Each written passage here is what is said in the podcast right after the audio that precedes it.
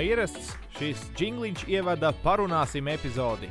Reinis Ošanieks jūsu ausīs un esiet sveicināti. Šodien saruna ar Latvijas televīzijas kultūras redakcijas vadītāju Ievu Rozentāli. Parunāsim par kultūras tendencēm pasaulē un, protams, arī Latvijā, par mūsu valsts iedzīvotāju konservatīvismu, kas, protams, saistīts arī ar vēsturisko mantojumu. Tāpat runāsim par neskaitāmiem darbiem, kas izkrāso ievas ikdienu, par cilvēku neapmierinātību, ieraugot 100 gramu kultūras vai kultūras šoku raidījumu noformējumu.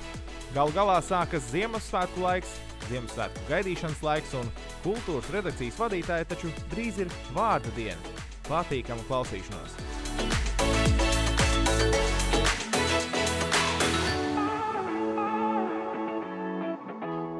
Nu, būs labi tagad, jā. Ok, nu mēs. Uh, Viņa rāda, ka var. Varam rakstīt. Ieva ir nepilns mēnesis līdz vārda dienai. Gaidi? es gaidu Ziemassvētkus. Vārdiena tur tāpat tajā dienā nav tik nozīmīga nekad bijusi. Bet, kad es biju maziņa, tad bija nozīmīgi, tāpēc, ka Ziemassvētku svinēt nedrīkstēja, bet mums nāca vienmēr Ziemassvētku vecītis, jo man bija vārda diena. Jā, tas bija zem nosaukuma Salatētis nāk, mums ir apciemojis, un tad mēs svinējām. Un, ja kāds jautājums, teicām, kā mums ir viņai vārda diena. Nu, tad es saku, čau, Ieva. Čau. Jā, jo man liekas, ir tie Jāņi un, un Ievas ir tie, kas cieši visvairāk no tām vārdu dienām. Man liekas, ka vairāk visi svin tos svētkus, bet varbūt tās vārdu dienas, nu, man tā vismaz liekas. Tu kā ievas vārdu nesātāji, tā var arī teikt. Ir cilvēki, kas atcerās un sveic, vai tomēr visiem ir Ziemassvētku vairāk. Ir, ir. Pa kādam ir, kas atcerās un sveic, bet nu, es teikšu, ka nu, tas nav tā ļoti eh, regulāri, ka visi atsūtītu ziņu, kas citkārt varbūt to būtu darījuši. Bet es vispār nedomāju, ka vārdienām ir tik liela nozīme, es kaut kā tam nepievēršu tādu uzmanību. Tu Amerikā labāk dzīvot, ja? kur tāda vārdienas nesvin. Nu, jā, nu, man liekas, ka Vai zini, kā svētki, ja sirdī ir svētki, tad viņi ir. Vai tevi sveic vai nesveic, nu, tas jau ir pakārtots jautājums. Sirdī svētki, kas ir tie priekšnoteikumi, kas, kas liek, atgādina par to, ka tie svētki drīz tuvojas? Kas ir tavi šie vēstneši? Tie ir kaut kādā darbā, ā, kaut kāds periods, kad tā decembris tuvojas. Mums ir ā, spēļu nakts, mums ir varbūt vēl kaut kādi gada notikumi, uz ko mēs atskatāmies un apbalvojam. Vai tie ir lielveikali, kur vienkārši ir jau rotājumi un, un tirgo eglīšu mantiņas un skan Ziemassvētku dziesmas? Un, kā man liekas, mēs visi ejam tādā tajā gada ritmā, visu laiku viss kaut kādā mērā atkārtojas un notiek tad kā kaut kāda tāda nu, spirālveidīga attīstība, cerams, uz augšu, nevis riņķveida tikai. Un, un tad nu, tas cikls uh, jau ir izstrādājies, kā tu pavadi to gadu, un kad tuvojas ziema, tad parasti pieaug darba apjoms vienmēr, neskādēļ, jo ir ļoti daudz uh, pasākumu, notikumu arī pirms pandēmijas laikā. Protams, kultūras pasākumu vienkārši ārprāts, šobrīd Tā kā es esmu arī daž, daž, dažādās žūrijās, tad tagad man ir milzīga liste, kas tagad ir atvērties un kas notiks līdz gada beigām, uz ko ir jāpaspēj iet, tu vienkārši skrien un mēģini paspēt visu noķert. Un tad, eh, protams, nāk gada sākums, kad ir tāds kā atplūts, tad tu vari attāpot, atpūsties, kaut kur varbūt padomāt, varbūt kaut kur aizbraukt, izrauties, bet tad atkal nāk balvas, visas ceremonijas, apbalvošanas, un atkal tas gads uzņem to apgriezienu, viņš pamazām ierotē, iegriežas. Nu, tāpēc, ka mans gads ir saistīts ar to kultūras dzīves gadu. Jā, tā kā ir sezona, tad ir tā enerģiskā dzīve. Nu, vasara ir mazliet mierīgāka, bet nu, tāpat festivāla laiks. Nu, daudz mēs esam runājuši par to 20. gadu, kas uh, uztaisīja baigos robus dažādās sfērās, uh, tā skaitā kultūrā. Kāds ir bijis 21. gads, kas uh, tūlīt jau būs principā noslēdzies? Vai var teikt, ka kultūras joma paspēja ieskrieties mm, ar, visu, ar, visu, ar visiem ierobežojumiem, vai tā jau ir spējusi sadzīvot un pielāgoties? Nu, man šķiet, ka īstenībā eh, vienkārši tas nevienmērīgums ir raksturīgs šim gadam. Ir ļoti daudz notikumu, pasākumu, tāpēc, ka pēc, pēc tiem saucamajiem lockdowniem, ja tad, kad kaut ko aizslēdz, tie mākslinieki jau sevi uzkrāja to visu. Viņi rāda, uzkrāja, dara, raksta grāmatas, tur filmu, eh, režisori filmē ārprātīgi daudz un viss uzkrājas, un tad atver kaut ko vaļā, un tas viss tā kā tāds salūts, uzsprāgst vienkārši. Un tad iepriekšējā brīdī, kad bija pirms aizslēgšanas, bija pasākumi, tad vienkārši bija tā, ka bija man vakarā bija apmēram četras izvēles, kur iet. Tur kaut kāda pirmizrāde, tur koncerts, tas, tas, nākamā vakarā atkal četras izvēles, tad trīs izvēles. Un tu saproti, ka, ja tu agrāk varēji tā sabalansēt, tā kā izsekot visam, kas notiek, tad tagad vienkārši tajā īsajā periodā tu nevari paspēt. Bet, nu, eh, es domāju, ka kad kaut kā viss nokārtosies ar laiku, ka šobrīd ir tas nevienmērīgums, es domāju, ka pasākumu ir ļoti daudz, ka nav tāds iztrūkums. Un tad, kad viss bija aizslēgts, tad, tad, protams, visi šie internetu un online pasākumi arī bija ļoti daudz un dažādi. Vienīgais, ka, protams, cilvēku attieksme mainās, viņi ir noguruši, viņi ir ielikumi nu, kā jau teicu, frustrēti. Viņi vairs nav tik varbūt, laimīgi un aktīvi. Eh, šodien runājām, mums bija tieši kilograms kultūras žūrijas sēde tieši pirms šīs intervijas divas stundas, un mēs ārkārtīgi daudz par visu kaut kam gājām cauri un runājām. Daira Aboliņa minēja, ka, ka nepērk biļetes uz, uz kino vairāk. Viņa saka, vispār nepērk četras biļetes. Nu, ka kaut kā vēl cilvēki nav gatavi atgriezties. No vienas puses viņi grib, no otras atkal ir tās bailes kaut kādas pāri visam. Mm, es vienu reizi esmu bijis šo divu gadu laikā uz kino.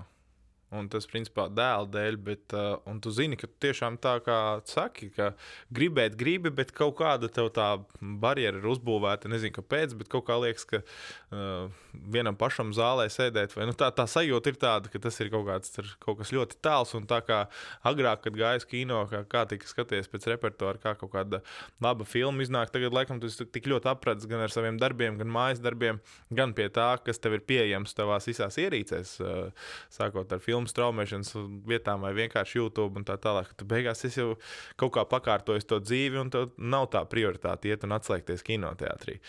Es tieši gribēju jautāt par to, par tām paražām. Nu, viens ir kino, un kā pats saka, ir trīs vai četri piedāvājumi vienā vakarā uh, iet un, un strept to kultūru, jo ilgs ir bijis pārtraukums, ka tās kultūras nav bijis, nu, ok, uh, attālināti un, un, un citās platformās, bet uh, kā šobrīd novēro to kultūras patērētāju, vai, mm, vai nav pa daudz to kultūras pasākumu tieši tā, ka ir saspiests un ka tu jau apreipsti no tā piedāvājuma?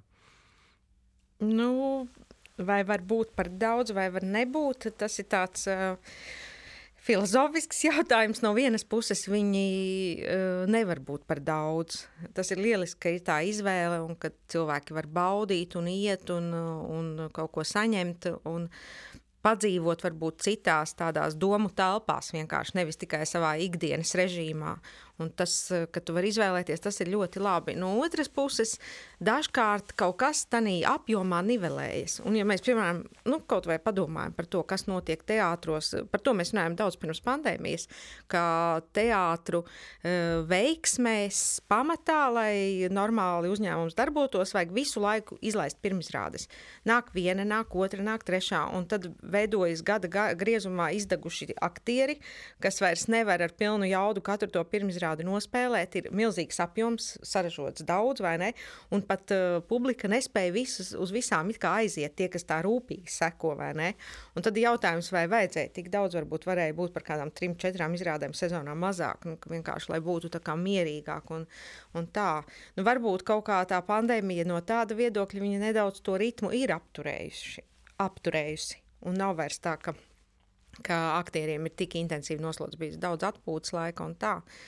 Bet, uh, zināmā mērā, ja tu paskaties uz lielajām metropolēm, nezinu, tur Londona, Ņujorka, Parīze un tādā garā, tad, protams, ka mēs esam maziņi, jo maziņi, un mūsu izvēle ir maziņa. Ja mums atbrauc kaut kāds viens ļoti slavens uh, mākslinieks vai kaut kāda īpaša rokgrupa, tad visi uzreiz uh, Imagine Dragons, visi pērk biļetes, visi tagad skries un ies un tā, bet nu, kaut kādā citā valstī visu laiku notiek šāda līmeņa mākslinieku piedāvājums, un tas ir tikai normāli. Bet vienkārši cilvēku uz visu negrib, nu, tā kā neiet katrs izvēlas savai gaumei kaut ko.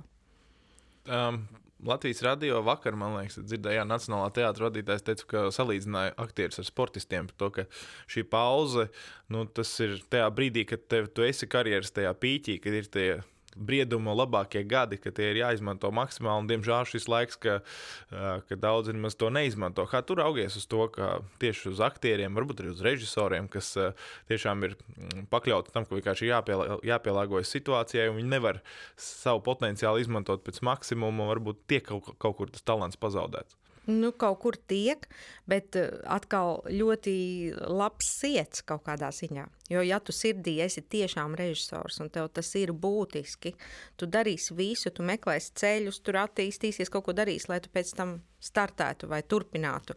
Ja tu neesi varbūt tik pārliecināts un tu esi kaut kādā autopilotā darbojies, tad varbūt tu tajā brīdī arī atteiksies, sapratīsi, nu, ka nav iespējams. Un, un kaut kāds ciets, tāpat arī aktieru darbiem. Aktieri saka, nu jā, ka viņiem tur jāiet uz citu profesiju. Es domāju, ka nu, ja tu esi tas aktieris, nu, varbūt tu kaut ko tur pamēģinās, bet, ja tev tiešām tas ir būtiski, tu nemūžam to nenomainīsi tik viegli. Un tā kā varbūt, ka, nezinu, ma ma mazāk intensīvi cilvēki, kas varbūt nav iekšēji, varbūt pat līdz galam pārliecināti, ka viņi to grib darīt visu savu mūžu, arī tad atbirst. Varbūt tas nav tik slikti. Tev pašai ir izveidojies tāds, nezinu, top 3 vai top 5 pasākumu, kas tev ir pārsteidzis, kā cilvēki spējuši pielāgoties, kā uztaisīt uh, risinājumus, gan attālinātos, gan, gan varbūt dalīti daļa ir attālināta, daļa ir uz vietas, viss tikai pateicoties tam, kādi ir ierobežojumi un kā mēs tiem spējam pielāgoties. Nu, Ziniet, kā es diezgan daudz klausos koncertus, jo es esmu lielās mūzikas balvas žūrijā, tā tas man tāds darbiņš. Uh, Un, uh, ir kaut kādi tādi, tādas virsotnītes bijušas, bet nekas nav spējis aizstāt. Vis, vislielākais pārsteigums ir bijis tad, kad es esmu varējis atkal būt zālē pēc tam. Tad, uh, tā tas skan īstenībā, ja, un, un novērtēt to klātbūtnes efektu. Bet, nu jā, un vēl no attālinātiem darbiem es atceros, nu, es visiem teātriem izdevumiem nesakoju, bet man tāds liels notikums man patika ļoti Irānas konference. Tā bija tāda online izrāde, kas bija viena no pirmajām vispār, kas bija tāda veiksmīgajām izrādēm. Un, un tā patiešām man likās, jā, nu, tas ir formāts. Tur Zoom, Zoom izrāde tā bija ļoti laba. Tiešām izcila. Iedod mazu sajūtu, es neesmu redzējis, kas tur bija uh, īpaši. Dažādu teātru aktieri bija izvēlēti, kopā saslēgušies. Un, uh, tas ir uh, jau tāds zināms dramaturgisks darbs. Viņi pārstāv, viņa loma ir pārstāvēt dažādas kultūras un dažādas uh, idejas, un viņi satiekās konferencē, nu, kā arī mēs tagad satiekamies konferencē Zoomā, un pauž šīs idejas un cenšas vienoties par kaut ko. Nu, tā pavisam īsi. Okay. Um, televīzijā ir tāda specifika, ka cilvēks, kad runā kadrā, viņam ir vajadzīgs apakšā uzrakstīt titriņu, vai ne? Vārds uzvārds, un tad ir amats un nodarbošanās.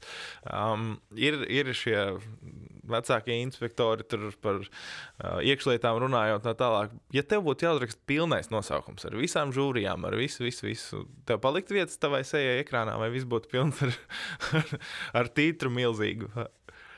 Nu jā, tas jau tāds CV drīzāk būtu. Jo, jo principā savā sirdī es uzskatu par mūziķu un muzikologu, jo tas ir mans pirmais no agras bērnības nodarbošanās. Visu laiku spēlēt klavierus un, un tur klausīties mūziku un visādā veidā. Un tad, bet pēc tam tas ir aizmutulējis uh, uz televīziju, tā manā dzīvē. Un, Un tad eh, šobrīd to, kas man no tās pirmās dzīves ir paņemts līdzi, to es visu laiku kā profesionāli izmantoju, turpinu izmantot. Bet uh, pamatdarbs man, protams, ir vadīt kultūras redakciju. Bet nu, līdzās ir daudz citas aktivitātes un, un notikumi. Nezinu, vai tos visus vajag rakstīt titrā. Nu, jā, bet es, nu, protams, to nedarīšu. Bet tāpēc es šo jautājumu uzdodu vienkārši, lai, lai saprastu, cik daudz dažādās frontēs uh, tu šauji savu uzmanību un, un, un, un par to uzmanību sadalīšanu. Tad pamatdarbs, kā teica, kultūras redakcijas vadīšana. Tas ir tāds pamatakmens, no kura tad tālāk ir jā, vakaros vai, vai, vai brīvā laikā ir jāvērtē kaut kādas lietas, jāklausās, jābūt lietas kursā, vēl kā pasniedzēji. Kā pasniedzēji arī, jā. Mm. Nu, nu, tā, lai nu Nu, jāpalielās tagad. Tā no kura gala sākt? ne, nu, labi, tad uh, kaut kā dzīve ir ievirzījusi, ka es pasniedzu producēšanu, tā kā mediju producēšanu Stradiņu universitātē, bet, nu, kā vieslektors, iespēja robežās, tad, kad varu, protams, pēc darba. Uh, Un, uh, tur man ir uh, ik pa brīdim kādi studenti, kas grib kaut ko vairāk saprast un uzzināt. Viņiem mācās televīziju, žanrus, idejas, attīstības tendences, kas te notiek, kā tas viss iet. Bet pārsvarā es runāju arī tieši par kultūras un televīzijas sasaisti, jo, kā mēs zinām, uh, kultūra visplašākajā vispār definīcijā ietver visdažādākos žanrus, ļoti daudz dažādas arī marginālas izpausmes, un uh, televīzija kaut kādā ziņā arī ir, nu mēs taču esam saviem kultūras ministrijas gal galā, un ja mēs skatāmies, kas televīziju vispār regulē, tad pēc būtības tā ir radošo industriju sastāvdaļa, un radošās industrijas savukārt definējas tā ir kultūra un ekonomika. Uh, kā, kultūras un ekonomikas kopsavilkums ir tās nozares, kas iedzem radošajām industrijām. Televīzija viena no, viņas, viena no viņām. Nu, sportu mēs arī tur varam palikt. Fiziskā kultūra. Nu, Plus šobiznesa savā ziņā jau tas nu, ir. Jā. Mēs tā skatāmies. Nu, tas viss kaut kā sasaistās kā, caur to kultūras lauku un, un to manu otro izglītību, kultūra menedžmenta izglītību. Tad tas viss tiešām savalkās kopā. Un uh, tad blakus es esmu arī nolasījusi pa kādam kursam Latvijas Kultūras Akadēmijā, arī tādā pašā stilistikā. Un pēdējos gados man arī aicināja lūdza Mūzikas akadēmijas jauniem studentiem kaut ko tur paust. Pastāstīt. Nu, tā ir viena sfēra, kas kaut kādā ziņā palīdz, jo tu kādreiz kaut ko pastāst tādiem jauniešiem, un viņi atkal tevi inspirē, iedvesmo kaut kādām idejām, un tas ir jauki. Bet, nu, diemžēl es domāju, ka visu to pasniegšanas lietu var atlikt varbūt uz pensijas vecumu, jo šobrīd man vienkārši tam nu, minimāli, cik es vispār varu atļauties tur tērēt tam laiku, jo ir gribās vēl radoši visu kaut ko paspēt un izdarīt un noproducēt un tā. Un tad diezgan uh, labu daļu arī mana darba laika, nu, teiksim, vienu ceturto, varbūt vienu piekto, es nezinu, kā lai izmēra, paņem uh, dažādas ārzemju aktivitātes ar visiem ārzemju partneriem, kuriem mēs darbojamies gan, gan EBU, gan AMZ, gan dažādās žūrijās un tā. Mhm. Un, nu, piemēram, ar šiem ārzemju partneriem, kas ir tās galvenās sadarbības? Tas ir um, jaunu raidījumu virzieni, viens ir arī žūrijas darbi, kas vēl varbūt ir jā, tas darbu listē. Nu, jā, ir tā, nu, var sakot, mēs jau visi zinām, televīzijā, ko nozīmē ebu. Un, un tā ebu struktūra ir tāda, ka tur ir pa žanriem, pa nozarēm dažādas tā kā, tādas ekspertu grupas. Nu, kādreiz to sauca, un es esmu tajā vienā no grupām, kādreiz viņu sauca mūzikas un dejas ekspertu grupa, Music and Dance Experts bet uh, tagad viņu ir pārdevēta par mūzikas un dēļas references grupu. Un, uh, tad ir tā, ka šajā kopienā teikt, sapulcējas tādi kā es no citām televīzijām. Es strādāju Latvijas televīzijā, un es apzinos, ka es esmu viena nu, kultūras reakcijas vadītāja, un man tā kā tāda līdzīga, no ko parunāt. Es runāju ar, ar citu nozaru pārstāvjiem, un nav tik daudz to nu, tā tā, tādu vadītāju, kas tieši tā kā kultūras jomu kūrē. Uh, Un tad, kad es uh, satiekos ar šiem references grupas biedriem no citām valstīm, tad, protams, man uzreiz paveras, wow, ir tādu daudz cilvēku. Un, un uh, faktiski tajā references grupā mēs esam. Nu, šo, šogad viņi uz nākamu gadu aicina desmit darbiniekus, bet līdz šim mēs bijām astoņi. Un, uh, tad iznāca tā, ka ir lielās valstis tur iesaistītas. Tad BBC, tad Austrijas televīzija, no Austrijas ir vispār kultūras uh, dzīves šūpulis un Austrijas mūzikas dzīve. Tā tur, uh, tad, protams, vācieši, tad ir Zviedrija ļoti spēcīga televīzija, Norvēģijas televīzijas kultūras daļas vadītājs. Un, un tad ir Beļģijā. Un tad esmu es nu, no mazajām televīzijām, viena faktiski no austrumvalstu televīzijā. Nu, jā, kā, tas ir tāda, tā ir tāda milzīga pieredze, un es arī to uztveru kā tādu iespēju un arī kā tādu lielu novērtējumu, ka viņi rēķinās ar tādu mazu Latviju. Un es atceros vienkārši, tad, kad man uzaicināja, kā, to grupu iebalso, Visu, nu, teiksim, ir šis te, kā, ekspertu lielais, lielā sapulce, kad visas valstis sabrauc, tas parasti notiek festivālā Zelta Prāga rudenī, kas ir speciāli mūzikas un kultūras filmām veltīts tāds televīzijas festivāls. Nu, tur sabrauc no visām valstīm. Tur kaut kā, teiksim, 40 cilvēki. Un tad viņi iebalso to referents grupu. Un tad pirmo reizi, kad Pīters Manjūra, kas strādāja BBC, viņš uh, pienāca un teica, nu, man tāda ideja, tu teici otro gadu, mēs vēlētos tevi virzīt uz to referentu, uz tajā laikā uz to uh, ekspertu grupu, jā. Un uh, es viņam vaicā, vaicāju, nu, kāpēc, nu, ka... Un tad viņš pateica trīs lietas, kāpēc, kas bija interesanti. Pirmā viņš teica, nu, tāpēc, ka tu esi aktīva, tev tur ir iniciatīva, tu interesējies un, un izrādi interesi un piedāvā idejas. Tas ir ļoti labi. Otrais, tāpēc, ka tu esi no mazas valsts, austrumu pusē. Un mums nav daudz tādu pārstāvi, kas vispār šeit ir aktīvi spējuši darboties. Uh, viņ, nu, viņš saka, es arī saprotu, ka lielvalstis, nu, kā Francija, Vācija, ir diezgan arogantas un tā. Un mums ļoti svarīgi no mazas valsts perspektīvas, lai kāds iedotu šo skatu. Un trešais, viņš teica, tādēļ, ka sieviete tādēļ, ka visi ir vīrieši šajā grupā, vajadzētu tomēr kaut kādu. Nu, tagad ir vairākas sievietes, bet tajā brīž, brīdī tiešām bija tāds uh, izteikts vīriešu dominance. Un, uh, un tas pamainījās.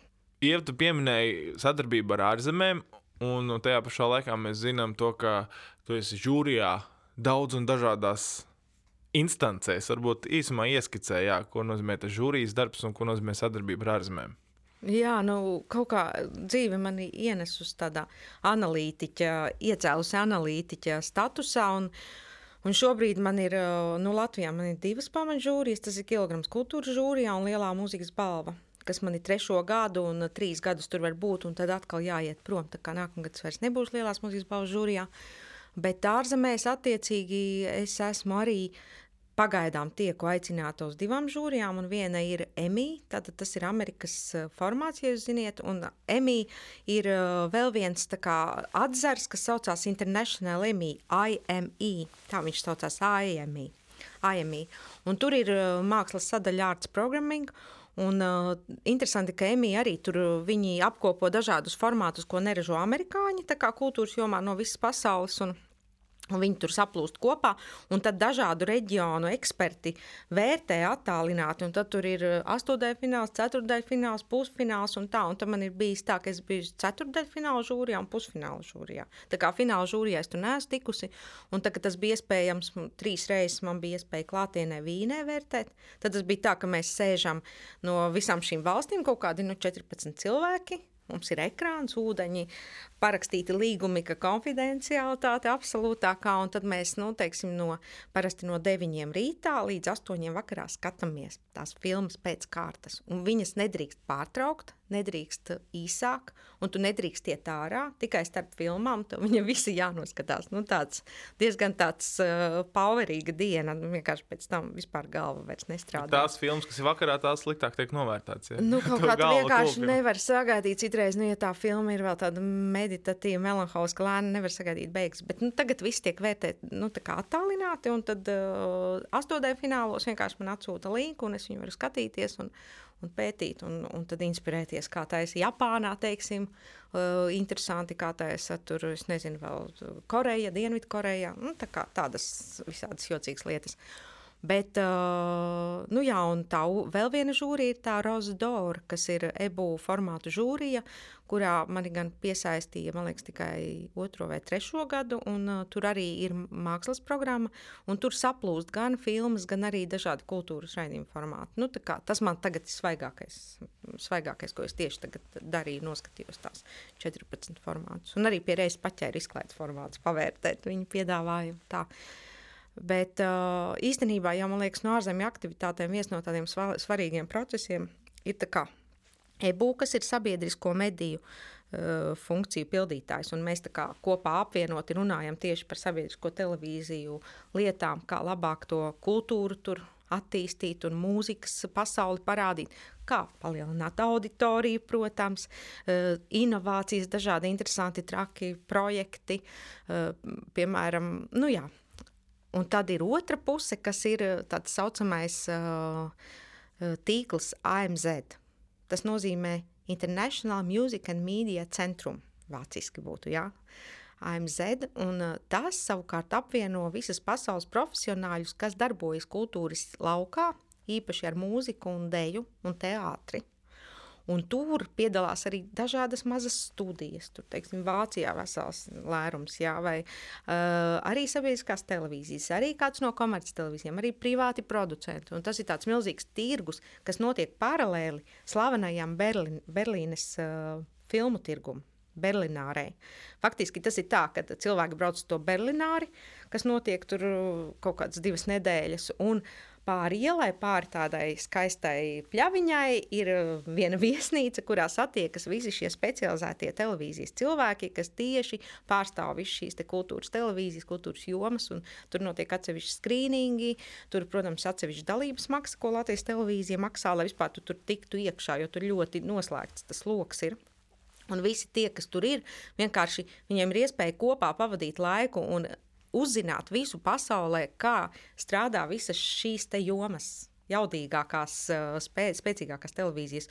Un tas ir tā, ka četras dienas, apmēram no 9 rītā, ir skrīnings, milzīga skrīninga zāle, kurā tu ieej. Un, piemēram, mūsu televīzija tur var uzstāties 8 minūtes. Lielās televīzijas, teiksim, 14 minūtes. Jā, nu, ja tu tur. Un 8 minūtēs tev jānoprezentē mūsu Man Filma, ir, vai? nu, principā standarts ir pieci projekti. Astoņās minūtēs, ko es varu ielikt, un uh, tad uh, ir ļoti stingri divu minūšu runa. Un, ja tev iet, man tā ir bijis, ka es esmu runājis ilgāk, un tad viņi vienkārši noņem skaņu un gaismu. Žausmīgs, smieklīgi izskatās. Cilvēks kā runā, runā, un vienkārši vairs nevar dzirdēt neko. Divu minūšu runa, un tad ir astoņu minūšu video. Un tad uh, katra valsts, nu, tur vienkārši fantastiski var redzēt, kas notiek Francijā, ko viņi rāda un kāda parādās Krievijas televīzija blakus, un ko, kāda ir Latvija, un kā parādās Skandināvi, un ko dara austrumnieki tur ar visādiem Japāņu teātriem. Un tā četras dienas tu skaties to visu no rīta līdz pēcpusdienai vēlai, un tu jau ieraugi tādu kopainu, nu, ka tu saproti vienkārši, kādā līmenī esi tu, kādā līmenī ir Japānas televīzija ar saviem 8K. Un, un, nu, kā, piemēram, Piemēram, nu, tā no tādiem sasniegumiem vācu režisors uh, Žants Šmits-Garē. Viņš prezentēja projektu, kur viņš nofilmēja operu Burbuļu flauta virtuālā realitāte ar brillēm. Nu, tā kā visas tās virtuālās realitātes lietas ir pārnestas tagad tajā opera pasaulē, un to ar brillēm var arī skatīties. Nu, ārprātīgi dārgs projekts, vienkārši nereāli dārgs. Bet Tad... Mēs Latvijā esam nu, tik cik mūsu valsts pēc, pēc kvadrātkilometriem ir tik, tik, tik, liela, tik tālu mēs arī esam no lielajām valstīm, vai tomēr mēs spējam spēlēt līdzi? Es domāju, mēs rīktīgi spējam spēlēt līdzi. Tāpēc, ka mēs esam ļoti kreatīvi, kaut kādā ziņā radoši. Un, eh, kas ir, protams, arī ļoti interesanti man tur sēžot. Es vienkārši redzu, ka ik pa brīdim Spānijas televīzija prezentē Ksenijas Sidarovā. Koncerts tur Madrides kaut kādā laukumā. Ja? Tad tur, piemēram, parāda tur Vācija, la, la, la, Andris Nelsons. Tad tur parāda Amerika, tur Elīna Garanča metropolitēna. Un, un tie latviešu vārdi iet cauri. Un tad man nāk arī tie kolēģi un saka, nē, nu, Ieva, kā tas ir iespējams, ka no tās valstis, cik jūs tur 4 miljoni? Es saku, nē, nesam pat divi. un viņi saka, kā var būt, nu, ka tik daudz latviešu mākslinieku, un tas iezīmē mūsu lielumu, un arī, protams, mēs izvēlamies tos piecus projektus ļoti rūpīgi, viņi vienmēr ir forši. Tā kā man bija dziesmu svētku kadri, kas tur parādīja, nu, tur aplausi atskanēja, visi vienkārši mēmi. Tas tas pats stāsts kā par koru Eirovīziju, ka pirmo reizi to koru Eirovīzijas ideju ierosināja, viņus man skatījās. Teicu, Kāpēc kori jārāda televīzija? Kas vispār? Viņiem vienkārši nav tradīcija, ka koris ir kaut kas tāds, kas tur dzied un jārāda un tā, un tad tu parādi viņam tos dziesmu svētkus, un tā viņi tā. Vispār, jā, tas ir kaut kas. Un tad tu tā kā ienes to savu to nacionālo tradīciju tajā lielajā dažādu valstu pārstāvju masā, un tad mēģini saprast, kas mēs esam, kur mēs esam.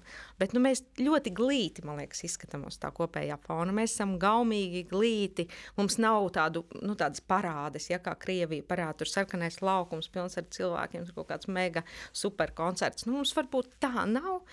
Bet uh, mums ir kaut kāds smalkums, dokumentāls, ko mēs spējam izpaust. Jāsaka, mums drusku klibo tehnoloģijas. Mums tiešām nav tik tik spēcīgas kameras, mums bieži nav tā 5-1 skaņa, ko tagad pieprasa koncertos. Tā, nu, bet kaut kā mēs mēģinām to tā nolīdzināt, lai būtu interesanti. Bet visiem ārzemju kolēģiem ir jāsaka. Mums Latvijā ir tāda sarkanā grāmata, mēs esam pasaules sarkanajā grāmatā, mēs esam ekskluzīvi. Tā kā jūs varat justies īpaši, ka jūs runājat ar Latviju, kas ir tikai Nepilnīgi divi miljoni pasaulē. Ja? Nu, nu, man liekas, ka tas uh, foršākais, ko mums izdevās panākt, braucot uz Berlīni, ir tas, ka mēs uh, nu, ik pa brīdim pārdodam tās mūsu filmas, un viņas ļoti labi ņem. Un pats, pats tas jaudīgākais, laikam, bija Elīnas Garāņšas pasākums. Mums bija dokumentālā filma par Elīnu Garāņšu. Tad mēs braucām tur un pārdevām to filmu un piedāvājām kolēģiem. Tiešām viņu labi pieņēma. Mums bija arī superīgs skrīnings, tāds īpašais, ko, ko viņi nu, noskatījās. Un, Tad Vācijā visvairāk novērtē Elīnu. Tieši ja mēs par filmu runājam. Vai reitingi pēc tam ir bijuši kaut kādi, vai kādas ir atsauksmes, vai tā ir Austrija. Nu, principā Austrija tagad pagarināja filmas licenci tikko. Viņi paņēma otrais. Hmm. Viņi jau viņu toreiz rādīja vairāk kārt, un tagad paņēma otrais, jo, jo viņi ļoti daudz tur dzied. Un, uh, tas ir saistīts ar to, kur mākslinieks uzstājas. Tad tur arī viņu pēc tam grib kaut ko par viņu dabūt. Kā, man liekas, tas bija tāds, nu, bet, protams, ka viņas vārds arī mums palīdz. Nu, ja mēs uztaisītu varbūt par operas zvaigznīti kādu jaunu tādu gabalu, tad nu, Marina varam... Rebeka taču ir pārdevās, man liekas, ne? Jā, Marina, nē, nu, Marina Rebeka neaizgāja tik, tik labi uz pārdošanu. Mēs viņu atdevām vienai izplatīšanas kompānijai. Un viņi viņu iekļāva šur tur savos katalogos, bet kaut kā, man liekas, tas uh, bišķiņ, nu, kaut kā mēs nelaikām, mēs pabeidzām to filmu, nu, tur ir daudz dažādas producēšanas nianses, bet uh, tirgus jau bija garām, tad līdz nākamam gadam tur jau bija viss kaut kas pamainījies un bija citi projekti un tā, bet, uh, bet viņu arī, viņi, viņu ļoti patika cilvēkiem tā Rebekas filmā, nu tā. Tas ir tāds, man liekas, eh, svētīgs darbs, ka mēs caur televīziju un caur to, ko mēs darām, mēs arī popularizējam to latviešu personības un māksliniekus un vispār to augsto līmeni, kāds mums ir ārzemēs. Nu, tā. Tā kā, es domāju, ka tas ir tāds virziens, kas obligāti jāturpina. Ir jāved tie savi projekti, un arī ļoti svarīgi braukt un satikt tos citus cilvēkus, lai idejas mainās, un, un tad var visu kaut ko uz priekšu. Vai drīkst te jautāt, cik ostai gulēt un cik ostai celies? oh, nu, principā es eju gulēt vēlu parasti un ceļos maksimāli vēlu. teiksim, nu, ļoti līdz brīdi pirms tam, ka man kaut kur ir jābūt, teiksim tā. Es tieši jo... domāju, kā to visu paspēt. nu, jā, tāpēc, ka tā vakara zona ir tā kā cita. Nu, tā kā divas dienas, principā, man ir. Viena ir tā darba diena, kas ir darbs, viņa beidzās kaut kādā pēcpusdienā, vēlākā vai agrākā. Un tad un sākās otra, īstā kultūra. nu, tad sākas tā klātbūtnes kultūra. Ja? Tur pasākumi, tur tikšanās ar cilvēkiem jau pasākumos kaut kādos un, un mēģināt aptvert, kas kur kā notiek. Un tad, vienkārši tā daļa mēdz ievilkties citreiz. Un tad viņi nu, ievelkās, tad, tad, tad, tad, tad, jā, tad iznāk tā, ka aiz, vēl jāiet gulēt. Bet eh, nu, es domāju, ka uz tevi var attiecināt teicienu, jo vairāk darīs, jo vairāk paspēs. Jā, tādēļ, ka ja nav tā intensīvā, izaicinošā ritma, tad uzreiz, protams, mēs esam mazliet slinkāki un tik daudz neizdarām un tā. Daudz ir runāts par to, ka arī šie septiņi gadi piesaukt, ka tev tur jāpamaina profesija pēc septiņiem gadiem, jo savā ziņā tu aizsēdies un tā tālāk. Tad, eh, manuprāt, Uh, piemēram, kā minēja, pamatakmens ir kultūras redakcijas vadīšana, bet šīs visas, es pat negribētu teikt, astoņkājas. Tur noteikti ir vairāk kājas uh, visām žūrijas lietām, ebu lietām, uh, vis, visām darba grupām, piemēram, visiem virzieniem. Tas jau ir tas, kas tev to rutīnu pamaina, izkrāso ikdienu un, un principā tev visu laiku izglīto pie tā pamatdarba. Nu, tas būtu ieteikums pilnīgi jebkuru jomu pārstāvjiem visu laiku mēģināt meklēt kaut kādas lietas, kas tev izjauta to rutīnu. Nu, jā, man liekas arī, ka. Es nezinu, varbūt es vienkārši esmu tāds tips, bet man nav interesanti dzīvot, ja nesākas kaut, kāds, kaut kas jauns. Ja es neizdomāju kaut kādu jaunu ideju vai nesāku viņu attīstīt, tad man jau ir tā garlaicīga tā ikdiena un, un kaut kādas jā, tās rutinētās sapulces un plānošanas. Un, un darbs ar kolēģiem, bet uh, līdz ko ir kaut kāds jauns projekts, kas nāk blakus, kaut kāds liels, tad viņš iedod tādu adrenalīnu. Un, uh, man arī liekas, nu, kaut kā man dzīvē ir tā, ka man liekas, ka man izdodas tos jaunos uzsākt visādas kaut kādas idejas. Nu, kaut vai kilogramu mēs sākām. Tagad šķiet normāli, ka tāda ceremonija, bet sākumā jau nebija nekāds kilograms kultūras. Tas vispār bija jocīgi, ka ir tāda balva, kas apvieno visas tās jomas un tad vēl kopā ar rādio, bet tagad jau tas ir kļuvis par tādu normālu dzīves sastāvdaļu. Nu. Tāpat arī, ka mēs uh, sākām Eirovīzijas gada kori, piemēram. Kas bija tomēr arī nu, pilnīgi jauns projekts. tas bija kā ar ebu kopā izauklēts, un, un tas arī iedeva tādu lielu uzrāvienu. Un man liekas, ka arī tas uzrāviens nāk pēc tam uz to tālākiem cilvēkiem, uz redakciju, ka viņi arī var kaut ko tālāk un savādāk, vairāk darīt. Jo nu, skaidrs, ka mēs aizpildām ikdienu un mūsu, nu, tāpat kā avīze, mums katru avīzē katru dienu tiek tapināti raksti, mēs veidojam šos raidījumus. Un, un tad kaut kādā brīdī gribās kaut ko, lai būtu svētki un kaut kas lielāks. Kilograms kultūras pieminēja jau sapulci divstundīgo pirms, pirms mūsu sarunas, kā tā noritēja un kas, cik daudz teica jā, jaunām idejām, ko darām, kā to parādām un ko var atklāt par kilogramu. Nu, mēs esam ļoti dažādi kilogramu kultūras žūrijā. Un šī bija žūrijas sapulce, kur mēs runājām eh, par to, nu, faktiski par pēdējiem četriem mēnešiem, tagad, eh, par ko mums būs jāizvirza nominantu saraksts. Mums jāizvēlas pieci, maksimums pieci katrā nominācijā. Un tie saraksti ir daudz garāki, un tad mēs strīdamies, ko izsvītrot un ko atstāt. Un, Un tā vienmēr ir interesanta pieredze. Man arī patīk tieši tas, ka tagad mēs ar rādio to kopā darām, jo viņi ir drusku citā pasaulē. Viņi redz drusku savādāk, varbūt citi pasākumi viņiem tiek vairāk izcelti, un mēs atkal no sava televīzijas viedokļa, bet, eh, bet eh, man liekas, ka tas ir tāds ļoti apjomīgs darbs, un ļoti labi var pārskatīt to lauku vispār kopā pa visiem žanriem, ka mēs satiekamies. Tur Daira noreferē par kino, Henriete, tur kas teātros ir svarīgs, tur Lili Teglīte mums izstāsta visu par vizuālo mākslu. Nu tā mēs visu to saliekam, un tad tā, o, oh, ir skaidrs, nu tā. Nu, bet eh, tā, tie strīdi ir, eh, nu, viņus nevar atstāstīt. Viņi ir vienkārši par visām detaļām. Viens tur iestājas par vienu diriģentu, par katru cenu, otrs ne. kā tad tiekat pie kopsaucēja beigās? Nu, ka, ja mēs eh, diskusijā neizritinām beigās, nu, kas tad paliek sarakstā, tad mēs balsojam par katru atsevišķu, un tad tās balsis parāda, kā tas ir. Nu, jā, kultūra nav ļoti izmērām lieta. Vienam patīk, otram nē, un viens uh, saprot, cits nesaprot. Tā ir. To, to man liekas, arī šis gads pierādīja arī ar uh, dažiem zīmējumiem uz mājas sienām. Ja, kā tu raudzījies uz to, ka cilvēki tik ļoti sociālajos tīklos sadalās, sašķeļās savā starpā, vieni ir par, otri pret. Un, uh, jā, nu, es nezinu, kad pēdējo reizi tik ļoti liela uzmanība bija vienam mākslas darbam. Es runāju par brekti. Jā, jā, jā. Es domāju, kā lai tev atbildētu. Nu, man liekas, ka tas bija ļoti veselīgs piemērs. Nu, tā, uzzīmēt ko tādu, un tad uh, arī kaut kāds ter, nu, kā termometrs sabiedrības. Mēs mēram to temperatūru, cik sabiedrība pieņem šāda veida mākslu publiskā telpā.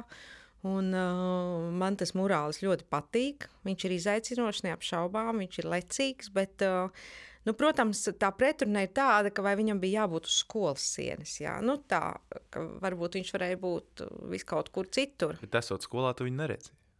jā, tas, tas kā... bija tāpat vecais slavējs stāsts par Efeļtoni, ka bija Es neatceros, Jā. kas bija pa vīru, bet uh, kuram ļoti nepatika tas efeļu tornis. Viņš brauca uz efeļu torni sēdēt un skatīties uz pilsētu, no lai neredzētu viņu. Jā, nu, es pievienojos tam viedoklim, jo daudz sarunu par to morāli bijuši, ka, ja tādu vairāk būtu šādi mākslas fakti pilsētu vidē, tad varbūt tā diskusija arī būtu savādāka. Un, bet uh, ņemot uh, vispār kopumā, kā Latvija un kultūras dzīve, un man jāsaka, mēs esam ļoti nu, kaut kādā ziņā smalki, protams, ziemeļnieki, estēti, bet mēs arī esam kaut kādā ziņā ļoti lokāli orientēti. Tādi ierobežojam sevi, latvieši. Nu, kaut kā tieši Latvijas iedzīvotāji, nu, varbūt kopumā, mēs esam klusāki, mums ir visa šī Austrumēropas smaga meklāta, ja mēs neatraisamies tajās diskusijās tik brīvi.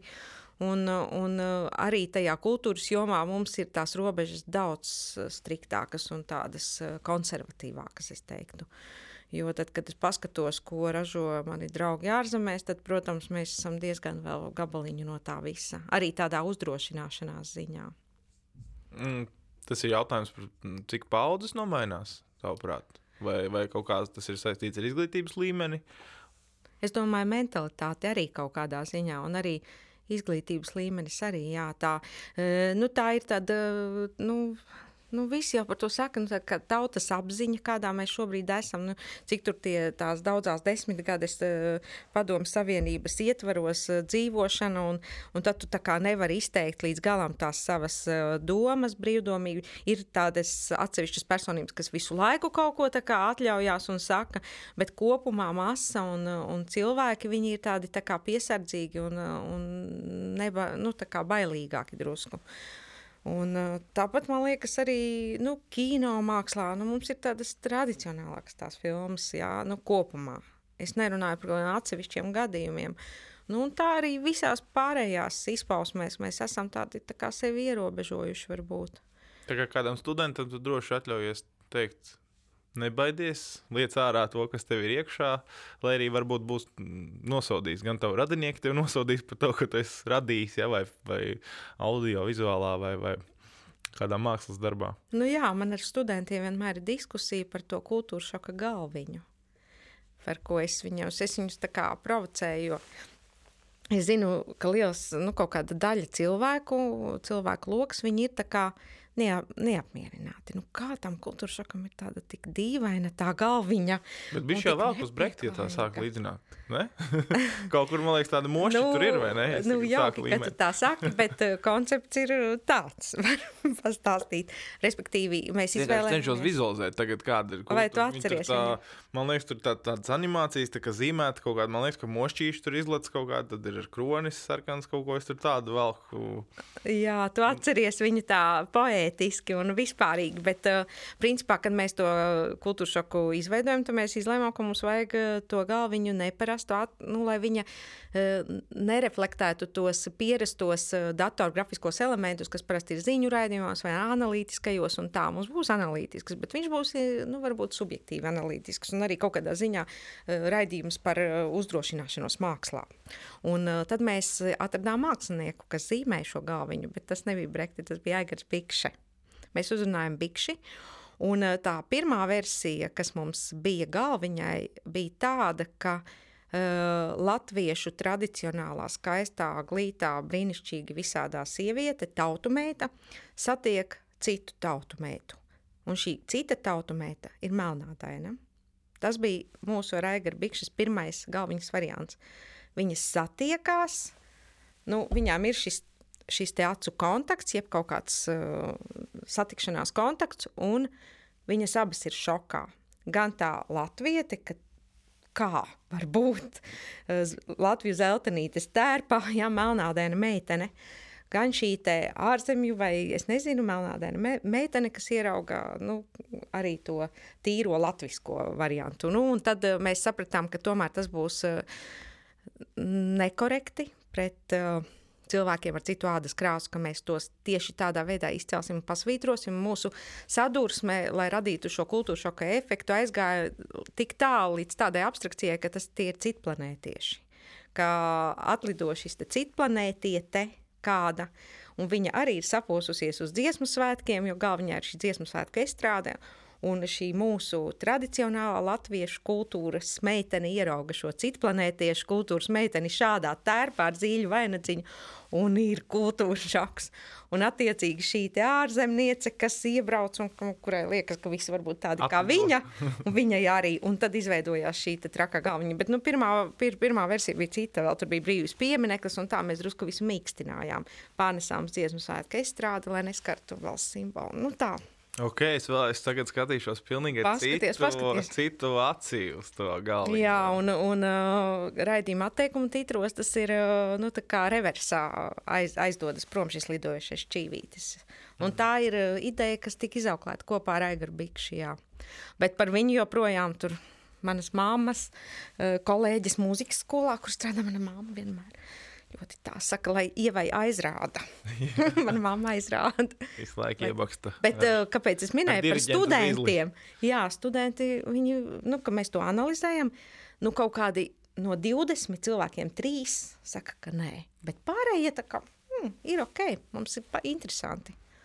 Nu, labi, ja mēs noliekam tagad Jaunieši. varbūt Latviju vai mūsu reģionu malā, vispār uz pasauli skatoties, dažādas jomas, dzimumi, jā, līdztiesības nedrīkst aizskart jau dažādās valstīs. Te nevar teikt, viņš vai viņa, respektīvi, uz kurien tas viss iet un kā kultūra tam iet līdzi. Un vai tev nebiedē tas, ka kaut kādā brīdī tā kultūra būs tik ļoti kontrolēta, ka nedod Dievs jūs savā izrādē vai savā mākslas darbā aizskarsiet kaut kādu konkrētu grupu cilvēkus, un līdz ar to jūs būsiet melnajā sarakstā, un tā kultūra arī savā ziņā sāks pielāgoties.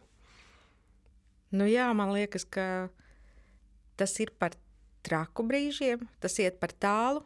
Un uh, jebkuri ierobežojumi uz vienu vai uz otru pusi, viņi nav vajadzīgi, nu, viņi tikai traucē. Uh, Un, ja mēs pārāk, nu, es piemēram nepiekrītu tam uh, situācijām, kas notiek ārzemēs ar, ar šīm filmu lietām, ka ir kvotas, jā, cik tev jābūt melnā, nu, melnādainam aktierim, cik tev jābūt tur uh, aktierim ar īpašām vajadzībām, tad tur sievietes vīrieši līdzsvars, tur, nu, respektīvi vecuma līdzsvars, nu, kad tu sāc tā analizēt un taisīt filmu, nu, viņa kļūst nedaudz dīvaina. Nu, kaut kā tur. Nu, Latvijas televīzija arī rādīja vienu no šiem britu seriāliem, diezgan tāds augsta līmeņa seriāls no Anglijas.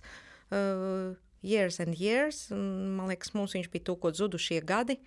Kurā ļoti tipiski parādījās šīs jaunās kvotas. Nu, kad tu redzēji uh, ģimeni, kurā ir uh, jā, visa veida attiecības, tur ir visi šīs dažādie cilvēki, gan teiksim, uh, dažādi seksuāli orientēti, gan ar šīm īpašajām vajadzībām, gan dažādas ādas krāsas, viss tur kopā samiksēts un, un izveidos tādas ģimenes modelis. Un, kad viņu skaties, tu saproti, ok, viņi visi ievērojuši, visas, visas grupas pārstāvētas, attīstība notiek darbībā brīvība.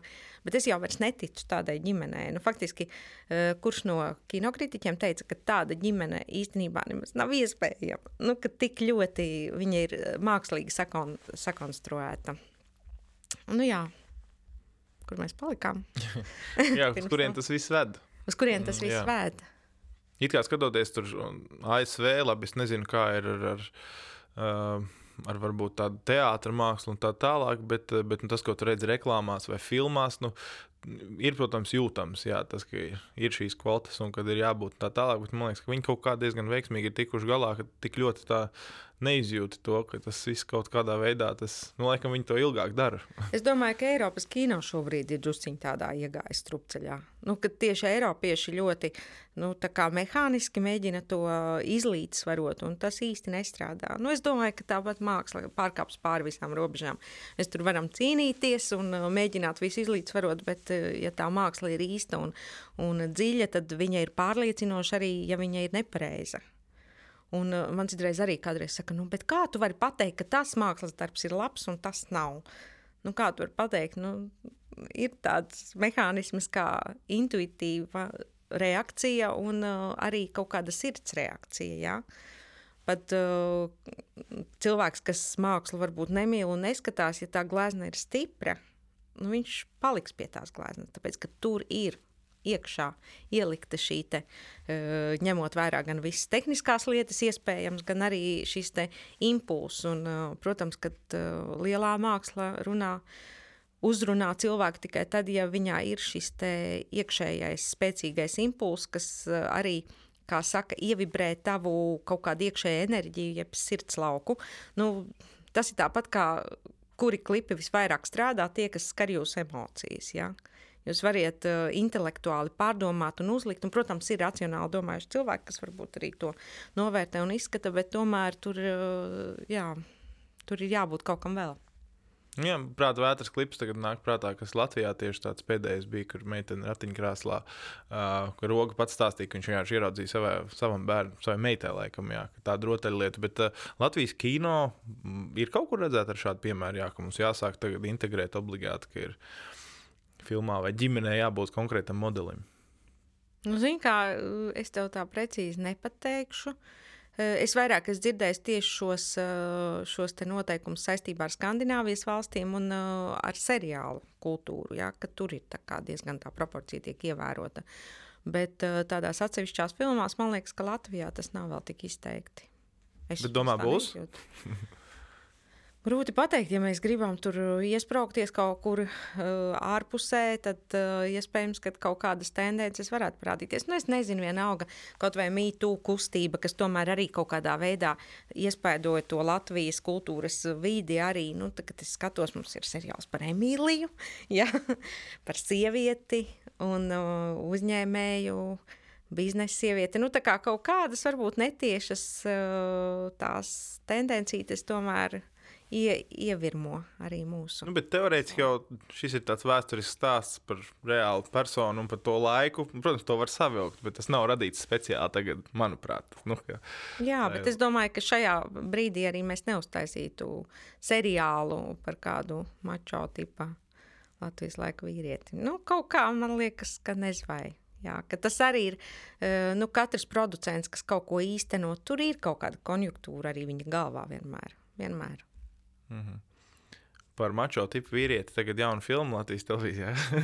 es gan uh, Gunārs Cilinskis. Jā. Viņš atbild šim mačo tipu vīrietim. Es teikšu godīgi, es, es uh, piedzimu piecus gadus pirms, uh, pirms viņš gāja bojā Baltazarā. Bet, uh, nu, protams, ka ir dzirdēts, un, uh, bet, bet es esmu diezgan tālu no tā, lai es, es varētu pateikt, viņš bija mačo tipu vīrietis vai ne Latvijas aktieru mākslā.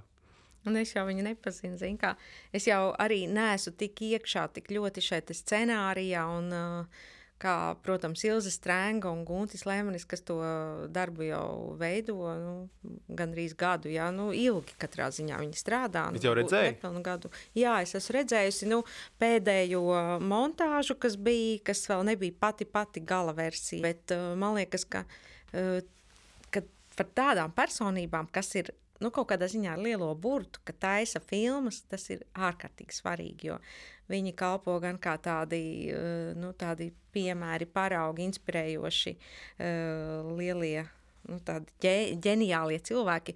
Un kaut kā visu laiku ir tā sajūta, ka gadsimta sākumā, pagājušā gadsimta sākumā un vidū, ka tas uh, aktieru kults un leģendu kults un šīs divu kults, ja, kas uh, pastāvēja, nu, tiešām mums tur bija vesela strīpa, tur uh, izcilu uh, aktieru un aktrišu, bet ka mūsdienās tas vairs nav tā. Un tāpēc paskatīties uz to kā uz pagātnes tādu zināmu fenomenu ir ļoti interesanti, ka tu redzi nu, to cilīnsku visas, uh, visas iespējas, kas viņam bija vienām, tur tādas lomas, tur viņš pats varēja režisēt, tur, kā jau tajā filmā izskan, viss viņam tur bija, tur mašīna un vasarnīca un laima un kas tik tur vēl nē, nu vispār, nu viņam tā kā viss bija pie kājām un kā viņš to, to savā dzīvē ar to visu rīkojās un kā viņš to dzīvi nodzīvoja. Nu, katrā ziņā tas ir interesants stāsts un nekas tāds, man liekas, šodien vairs nevarētu atkārtoties un nu, tāda veida mākslas pasauli. Jo tad, tur arī bija tā ārkārtīgā pielūgsme un abrīna pret aktieriem. Kad sūtīja vēstules tur kastēm un mīlēja un dievināja un tā. Nu, mūsdienās, man liekas, tā vairs nav tik traki. Jā, kamēr to šo visu stāstu, es domāju, pirms pēc uh, 70 vai 100 gadiem par mūsdienu, piemēram, par šodienu, nu, labi, varbūt ne tik ilgāk, pēc 50 gadiem, varbūt par ko šodien varēs taisīt tādu filmu. Uh, Jo liekas, ka tu tik ļoti izdzīvo tāpat arī visiem sociālajiem, sociālajiem tīkliem. Vismaz jaunieši tagad līdz tāpat visu laiku ir. Tev nav kaut kāds baigais brīnums to cilvēku ieraudzīt tik ļoti, jo tev liekas, ka tu viņu katru dienu telefonā redzi, tad varbūt tev vairs nav tā, tā pielūgsme. Un, un, un, protams, ka cilvēki noteikti raksta vēstules, un, un es zinu, ka sūta arī paciņas ar porziņiem. Es esmu dzirdējis, ka arī caur mani mēģina nodot, hei, mēs tur gribam aizsūtīt, kurā viesnīcā viņš paliek. Tikai man padod ziņu, mēs atstāsim recepcijā. Tā kā kaut kādā ziņā tas viss turpinās, bet jautājums, jā, vai tev. Es ceru, ka būs. Nu, būs, protams, ka būs cilvēki, kas mūs aizraus un tā tālāk, bet, bet vai tik ļoti mm, cilvēkiem būs interesanti noteikti par tiem cilvēkiem, kas pārāk daudz neatklāja par sevi. Varbūt, tīklos. Jā. jā. Bet interesanti arī par to pašu Cilīnski ir tas, ka, piemēram, nu, to dzīves uh, otrajā pusē, jau tajos pēdējos gados, viņš bija tā kā tāda zvaigzne, bet viņš vairs nebija tik slavens. Viņam jau bija tāds, tā, tāds noriets, un viņš režisēja. Un nevarētu teikt, ka ārkārtīgi, piemēram, mums vispār nav ar viņu nekādu daudz materiālu. Viņš nebija tā ļoti, nu, viņš bija protams, pašā augstākajā līmenī, bet nu, viņš nebija tik ļoti varbūt, pieprasīts. Bet to īsto novērtējumu vēl cilvēki izdara, kad kāds aiziet. Jā, tad saprot, oh, kāda, kāda mēroga personība tomēr viņš bija. Mēs viņu nenovērtējām, vai ne? Nu, tā līdz. Jā, es tieši anotācijā lasīju to, ka, jā, ka īpaši viņš ar presi un mēdījiem nav baigi runājis un nav atklājies. Kāds varbūt tur var atklāt, kāds tehniskais risinājums, kā, kā, tas, kā visa filma ir veidota, cik tur daudz inscenējumu, cik daudz vienkārši atmiņu stāsti un biogrāfisku stāsti. Jā, man tad prasa, kā režisoram, bet es Jā, neesmu. bet tu zini. Bet labi. Nē, nu, kā, nē, nu, šī filma ir tie- īstenībā klasiski veidota, jo tā ir eh, pamatā ir eh, tiešām eh, filmu fragmenti izmantot, kuros viņš ir eh, ļoti krāšņi parādījies daudz to filmu, un tur ir interesanti materiāli. Tad ir dažādi aizkadra filmējumi, kas ir saglabājušies vēl ar viņu. Tur ir brīnišķīgas radio intervijas, kā aizkadra balss viņa, kur skan, ka viņš ir stāstījis par savu dzīvi un komentējis kaut ko tieši aizkadrā eh, radio pārraidēs, un, un tas ir tiek izmantots tajā filmā. Un, protams, tur ir sarunas ar viņa laika biedriem, kas ir ļoti interesantas, kas atklāja arī dažādas pikantas epizodes un visu kaut ko tam līdzīgu. Tā kā tas tāds klasisks stāsts, bet uh, runājot par filmām. Un to, kā mēs veidojam filmas, tad jāsaka, ka mūsu veidotāji varbūt mēs esam tādi klasiskāki un uzmanīgāki savā, savā uh, veidā, kā mēs tieši formāta ziņā, kā mēs uh, veidojam tās dokumentālas filmas. Jo tieši tagad uh, es esmu atkal saskatījusies, noskatījusies kādu apjomu ar šīm kultūras dokumentālajām filmām, jo tikko man beidzās žūrēšana speciālajai EBU formātu balvai Rosdor mākslas programmās. Un, uh, tur bija jānoskatās 14 kultūras projekti dažādi. Nu, tas jau bija fināls Rosdor, tad, tad tur iesūta no visas pasaules, arī no Austrālijas un Amerikas. Um, tas ir tāds ebu, es nezinu, kā viņi nonāca līdz tai fināla listē. Viņi uzaicināja mani arī žūrēt, un tad es kopā ar citiem tādiem pašiem mājās online uh, skatījos tās filmas un žūrēju. Un, uh, un beigu galā vēl man bija gods pasniegt balvu es ierakstīju šo pasniegšanu virtuālo. Pasākums notiek pirmdien Londonā. Tagad tieši pēc pāris dienām, faktiski, kad uh, viņi saņem šo balvu. Es neesmu, es nedrīkstu atklāt uzvarētāju līdz, lai arī es to zinu, un, un es esmu jau pasniegusi viņam balvu virtuāli.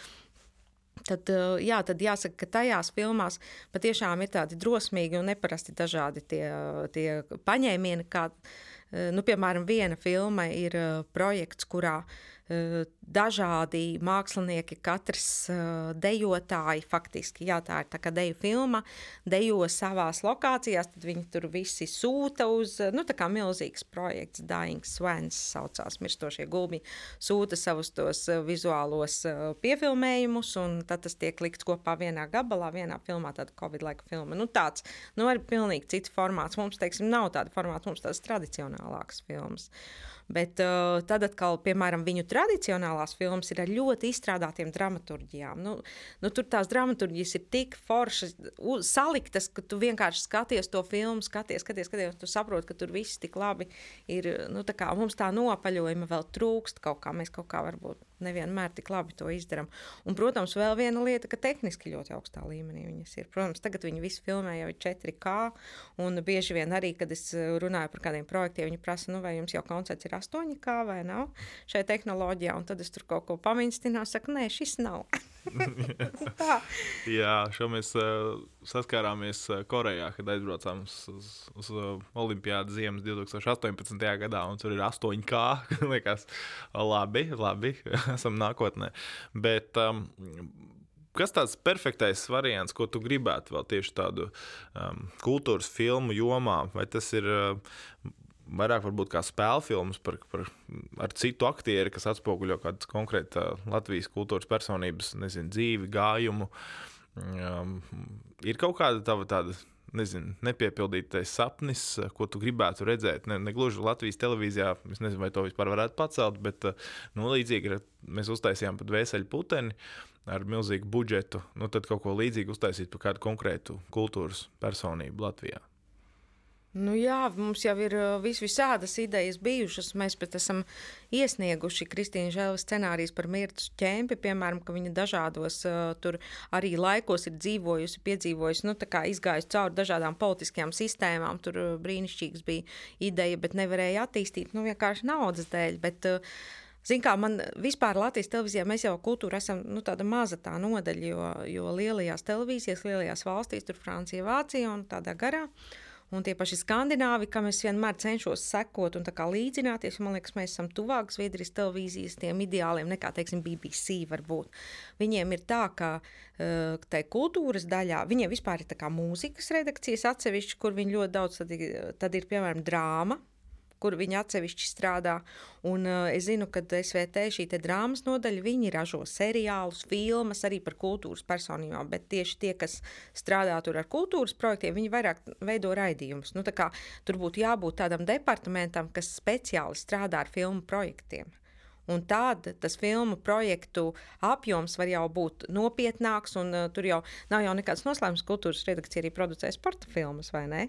Kā mums taču uh, tagad arī top dāvja Ernstēta filma atgriešanās par uh, latviešu atgriešanos Olimpiskajā. Olimpiskajās spēlēs, un, uh, un par brāļiem Dukuriem mums bija tā, kā mēs kā to funkciju esam paņēmuši kultūras redakcijā. Un arī tagad arī tos dokumentālos projektus visi esam paņēmuši zem kultūras redakcijas, bet normālos apstākļos, ja būtu tāds uh, stabils, kārtīgs finansējums un drusku apjomīgāks iespējas, tad mums vajadzētu vienu nodaļu, kas tieši ražo šīs filmas.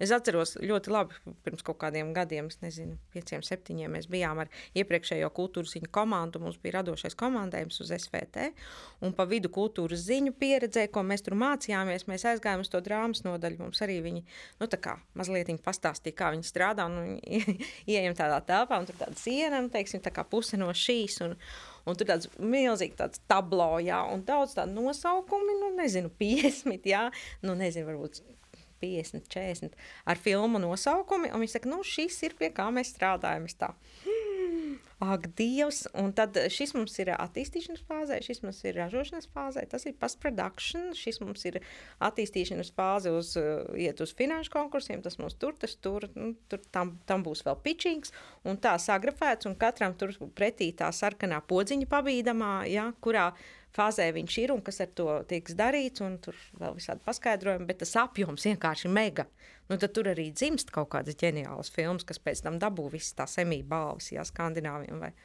Un tad es teicu, ah, oh, es nofotografēšu ātri. Nē, to jūs nedrīkstat, tas ir konfidenciāli. tā, lai tie klausītāji, kas mums klausās, lai saprotam, mēram par to sienu, kā dieva rādīja. Nu, tā ir, es gribētu salīdzināt ar tādu, kā Latvijas televīzijā pie caurlaidītēm, tur sarkanā siena ar Latvijas televīzijas logo, vai ne? Nu, ir diezgan līdzīga pēc izmēra. Jā. Tā, tāda ir siena. Nu, tad novēlam Latvijas televīzijai jaunu redakciju ar nosaukumu dokumentālo filmu redakcija. Nu, piemēram, jā. drāmas redakcija. Tur varētu seriāls arī taisīt. Kaut vai to pašu mircu ķempi. Sarunas noslēgumā minēja par savu sākumu, dzīves, sākumu dzīves posms bija mūzika, klavieres vairāk vai, vai vispār mūzika? Liekam to tā. Nu, klavieru spēle bija tā kā man tā kā obligātais, kas man jādara. Ir, un, un māma un tētis kurdiriģenti abi, un māma klavieru skolotāja. Un, Mana bērnība pagāja parasti zem galda, kaut kādos mēģinājumos, spēlējoties, kaut ko zīmējot visu laiku. Un, jā. un, un televīzijas posms kā sākās?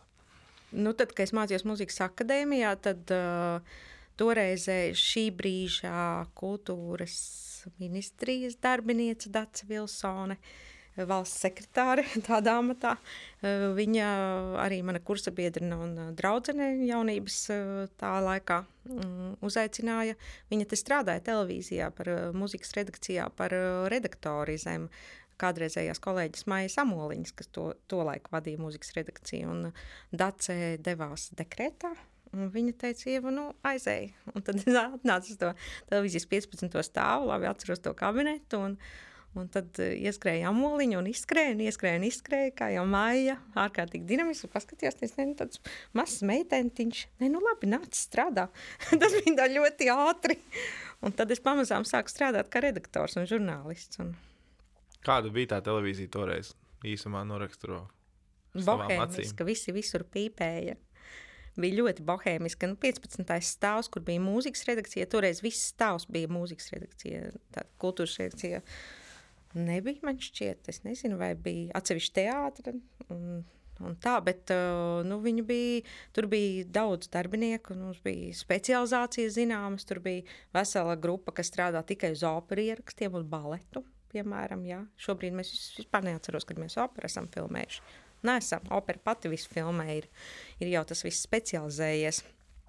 Un, un tad tajā, tajā laikā bija patiešām ļoti daudz projektu. Protams, entie simfoniskie koncerti, kuros es ar partitūru tika arī piekomandēta. Un, nu, viņš bija pavisam savādāka veida darbs. Bet tas pirmais lielais pārveides posms, faktiski tā mana ienākšana jau bija pēc tam, kad es strādāju žurnālā Mūzikas Saulē. Vienu brīdi man izmet no televīzijas īstenībā štatu samazināšanas uh, dēļ. Ar kādu konkrētu iemeslu, vai vienkārši štats bija jāsamazina? Bija jāsamazina štati. Es neatradu iemeslu, vai? es pat nezinu, bet uh, es īstenībā tur īpaši necīnu. Man, man nebija svarīgi būt tieši tur vai šur. Vienkārši samazināja. Tur bija diezgan tāda konkurencīta mums pa vidu. Un, un tad es aizgāju un te es uztaisīju žurnālu mūzikas saule. Uh, kas tagad arī par laimi vēl pastāv, bet viņš ir specializēts mūzikas žurnāls, diezgan šauram lokam, jau profesionāļiem, klasiskās mūzikas.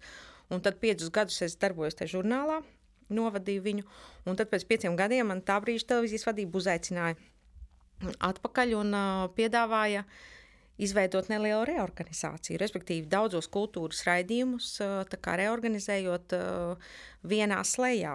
Nu, televīzija pārkārtoja savu programmu pēc slēga principa. Tas bija milzīgi, tomēr tāds nozīmīgs pasākums. Visu to tur salikt tā, ka tu zini, ka katru vakaru pus astoņos tev būs kultūra, tad mēs izveidojam šo 100 gramu kultūras zīmolu, kas bija diezgan arī tāds vētrains process. Un tajā brīdī man liekas, ka notika tāds kūlenis. Un mēs pārgājām jau uz tādiem jaunākiem laikiem. Bet toreiz arī bija tāda, kas uzreiz 100 gramus uzreiz interpretēja pilnīgi citu. Tā kā ir pierasts visus šos gadus. uh, nu, ko nozīmē visus šos gadus? No to, um, tad, kad es vēl nebiju dzimis, noteikti visi padomu laika un tā tālāk, kas ir 100 grami. Visiem uzreiz skaidrs. Es nezinu, tu jau neesi droši vien lasījis tajā laikā presi, bet mums bija daudz virsrakstu veltīti. Un, un uh, daudz uh, atvērumi un uh, ļoti daudz kritikas. Un bija tādi uh, arī gados, tīpaši paudzes un dzēniece Antelīce, es atceros, ārkārtīgi nokritizēja. Un tad bija viens raksts dienā, ko rakstīja no Rīkstena. Un, nu, tur bija vesela polemika, gāja cauri. Man ir kaut kas saglabājis no, no tiem laikiem, varbūt ne viss. Un no Rīgstena to vienu savu rakstu beidza ar tekstu, nu, kādai mēs liekuļojam, cienījamie kultūras cilvēki, ja mēs tāpat katrā grāmatas atvēršanas pasākumu vai teātris izrādi noslēdzam ar glāzi vīna.